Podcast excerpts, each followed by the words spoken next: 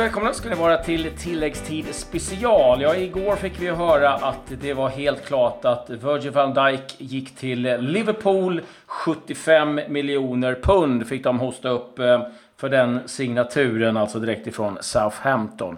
En som känner till Virgil van Dijk väldigt bra, det är Johan Mjällby, numera tränare i Gävle. Välkommen igen då, säger vi till tilläggstid.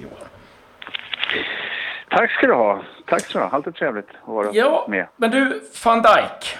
Eh, ja. Du eh, var i Celtic när ni värvade honom ifrån eh, Groningen 2013. Det var lite skillnad på eh, kostnaden. 2,6 miljoner pund kostade han då. Eh, det har ju hänt. Eh, mm.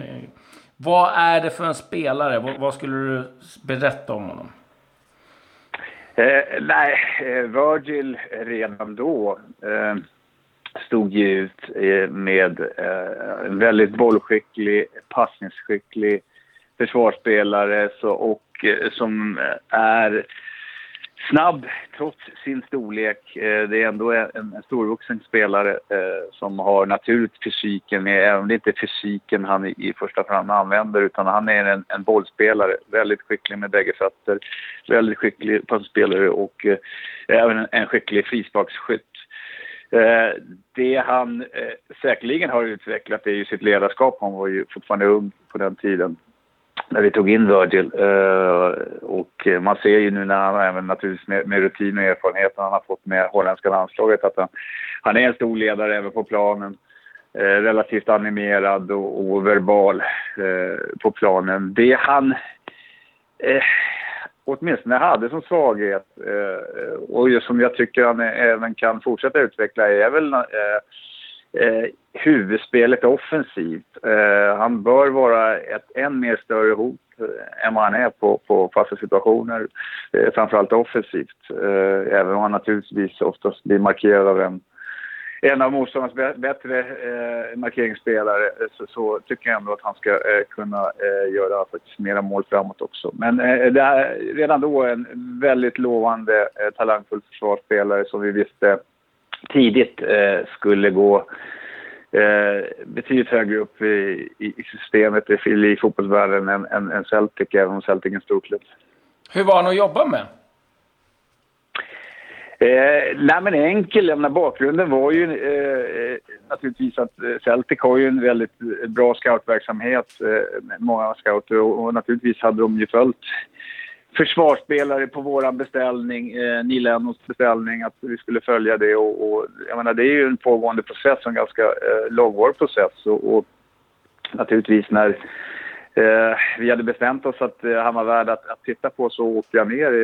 Det var säsongens sista match med Schroningen där sommaren 2013 och, och de mötte Ajax som redan hade vunnit ligan och, och, och trots att han eh, trots att han faktiskt kanske inte gjorde en stor match eh, just i den matchen utan eh, faktiskt kanske Eh, belastade Groningen med ett mål bakåt eh, där Ajax gjorde ett mål när han var lite bolltittare. Så, så naturligtvis så ringde jag direkt efter matchen upp till Neil och sa att ja, det är ju självklart spelare vi bör ta. Eh, även naturligtvis att kostnaden inte får, får rinna iväg för mycket eftersom han då fortfarande var oprövad. Så att jag menar, mitt, mitt svar till Neil var, Neil Lennon var ju att, att allt under 3 miljoner pund anser jag är en, en jättebra affär för han kommer säljas för betydligt mer. Och, och jag menar, det visade han direkt och han var väldigt enkel att jobba med. En, en väldigt positiv människa, glad människa eh, som eh, väldigt tidigt visade att han var för bra för att, att stanna en längre tid i, i, Celtic. Och naturligtvis Celtic gjorde ju en, naturligtvis en jättebra affär när man först sålde han till, till Southampton och naturligtvis så ramlar det väl in lite pengar nu också när, när, Liverpool tar honom till Southampton. Så att, jag menar, eh, det var väldigt tidigt eh, eh, klart att han skulle gå långt i, i världen och, och, att han hade en oerhört bra talang och bra eh, bra eh, verktyg i sin låda att, att gå väldigt långt och, och enkel att arbeta med. Eh, det enda han naturligtvis fick passa sig för lite grann var att eh, det var lite väl enkelt ibland i, i, i Celtic, i, speciellt i, i seriespelet. Det, eh, det gällde att vara på honom lite grann, att hela tiden hålla eh, koncentrationen och, och fokuset uppe eh, när det gällde att eh, när vi i Celtic inte hade boll, vilket naturligtvis inte är så många procent i, i matcherna i, i den inhemska ligan.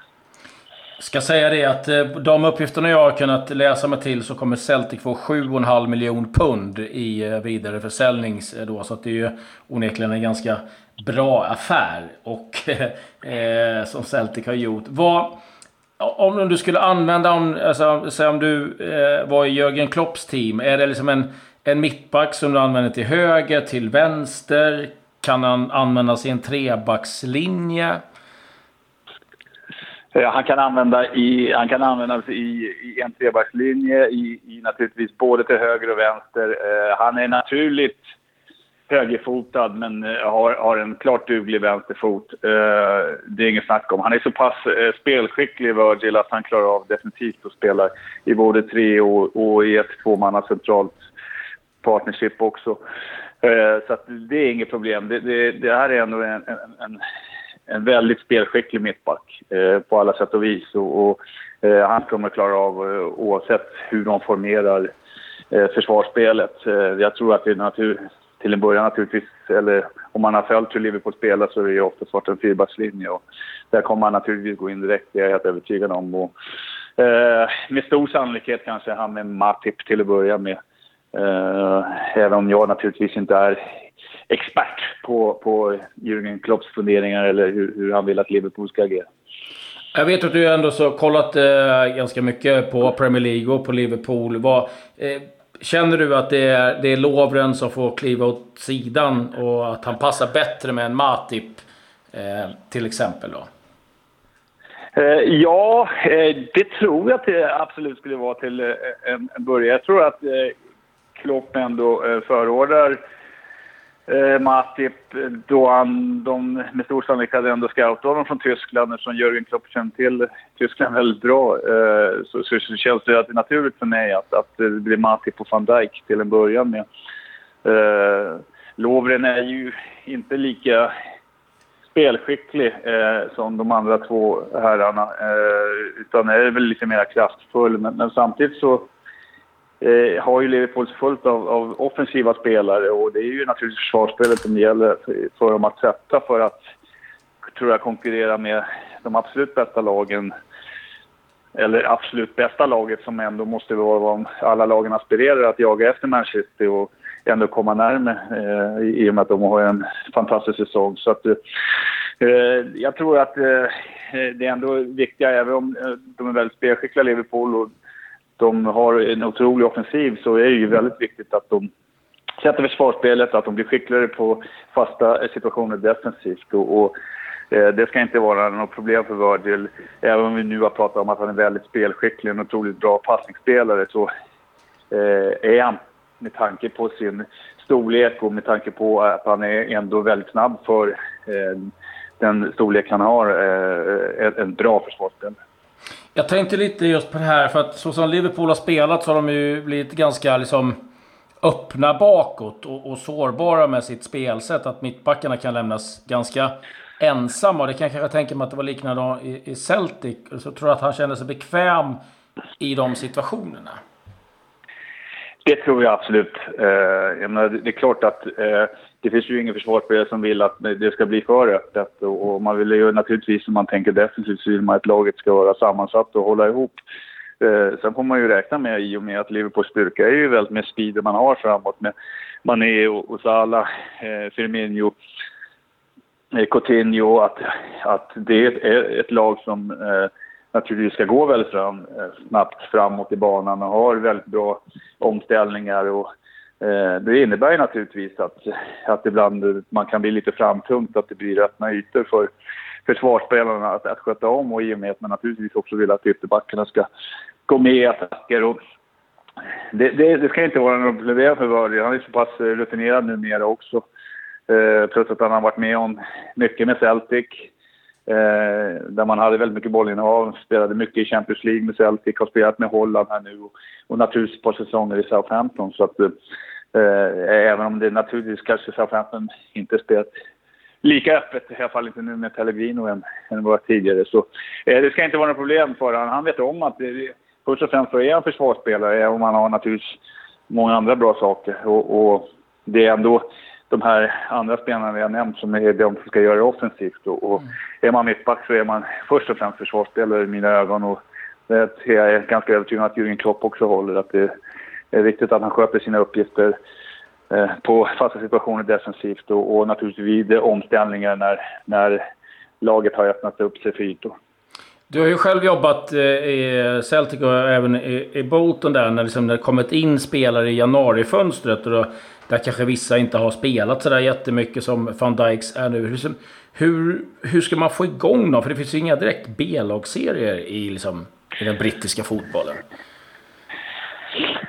Nu, nu kommer ju van Dijk in med, med en väldigt eh, eh, väldigt stor eh, prissumma och naturligtvis så, så, förväntas det väldigt mycket eh, från honom och, och, så vidare. Och jag, jag tycker ändå han har ändå spelat i, i ligan. Folk känner till honom, han själv känner till miljön. Att, att det, det kommer inte bli några svårigheter för honom att att komma in i det hela. Jag menar, det är snabbt för honom naturligtvis att, att lyssna så mycket som möjligt på alla coacher där och Jürgen Klopp, att, eh, hur de vill att han ska agera och, och snappa upp det så fort som möjligt. Och naturligtvis nu har han varit med så länge och har fått den här rutinen att, eh, att det blir inget problem för honom alls. Att, eh, det, det, det, kommer bli ganska enkelt för honom. Och det är inte så att han har haft en skada här på slutet utan eh, det har ju känts som att eh, Pellegrino och när det här, de har vetat om det här nu en tid att det var väldigt nära med Liverpool och där har han inte spelat de sista matcherna. Men eh, annars är han i form och han är ändå en, en, en lättränad spelare som, som ändå sällan haft eh, några eh, svåra skador.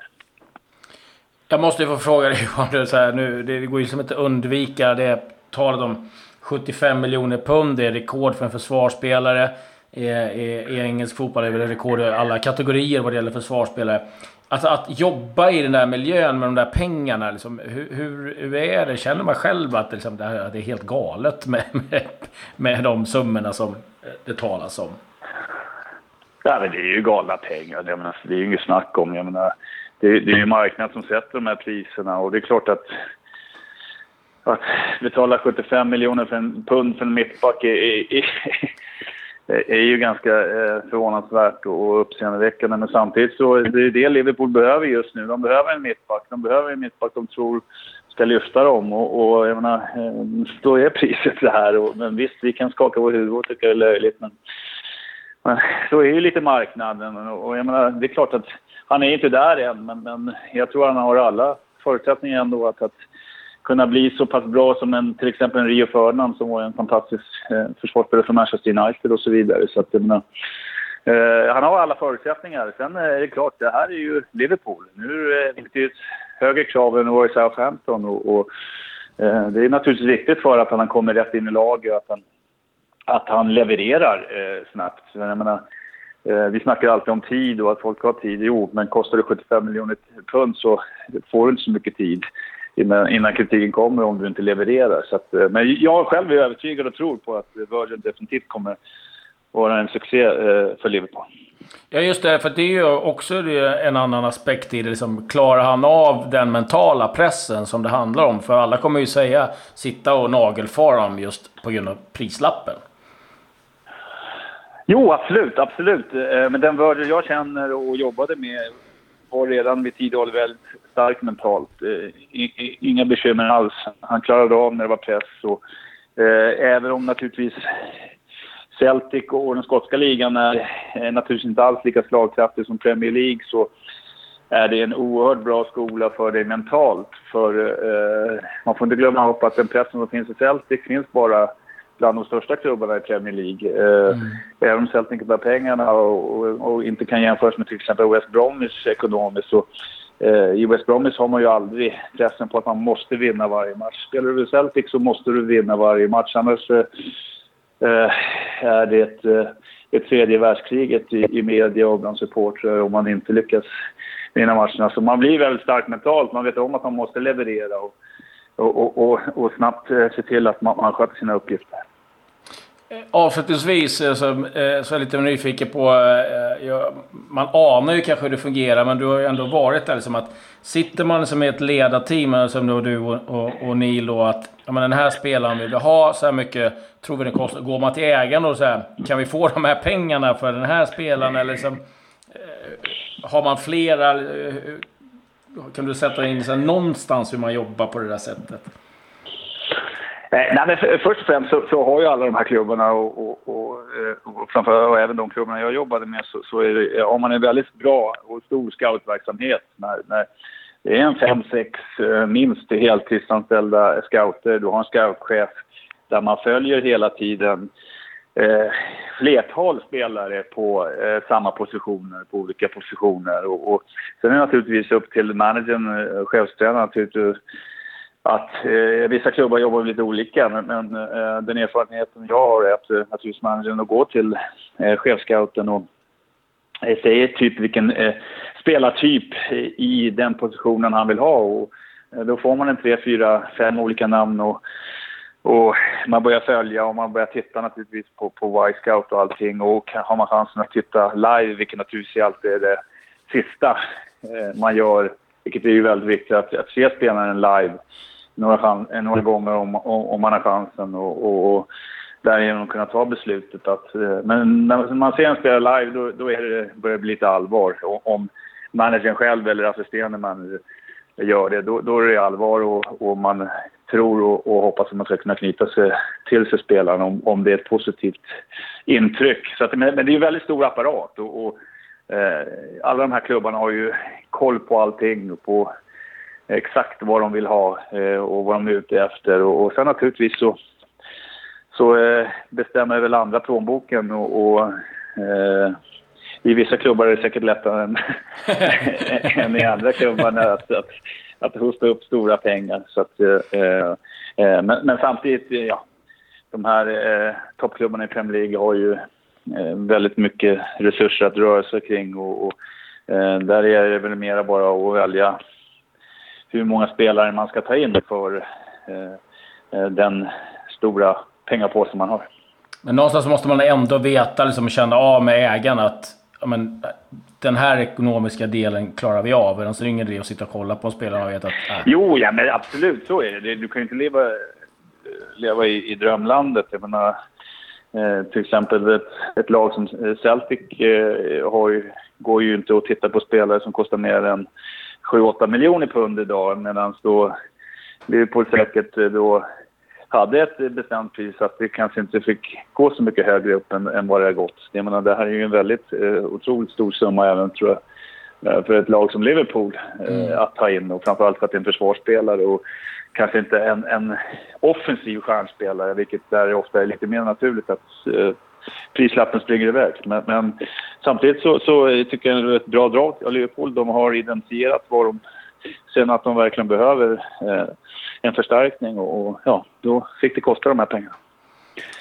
Ja, vi får se om det blir ja. succé eller inte för Virgil van Dijk. Men eh, stort tack Johan! Eh, otroligt intressant att höra lite, eh, du som har följt honom på nära håll och eh, så ser vi om det är en bra affär för Liverpool eller inte, helt enkelt. Ja, vi håller tummarna. ja, det gör vi. Hej, hej. hej.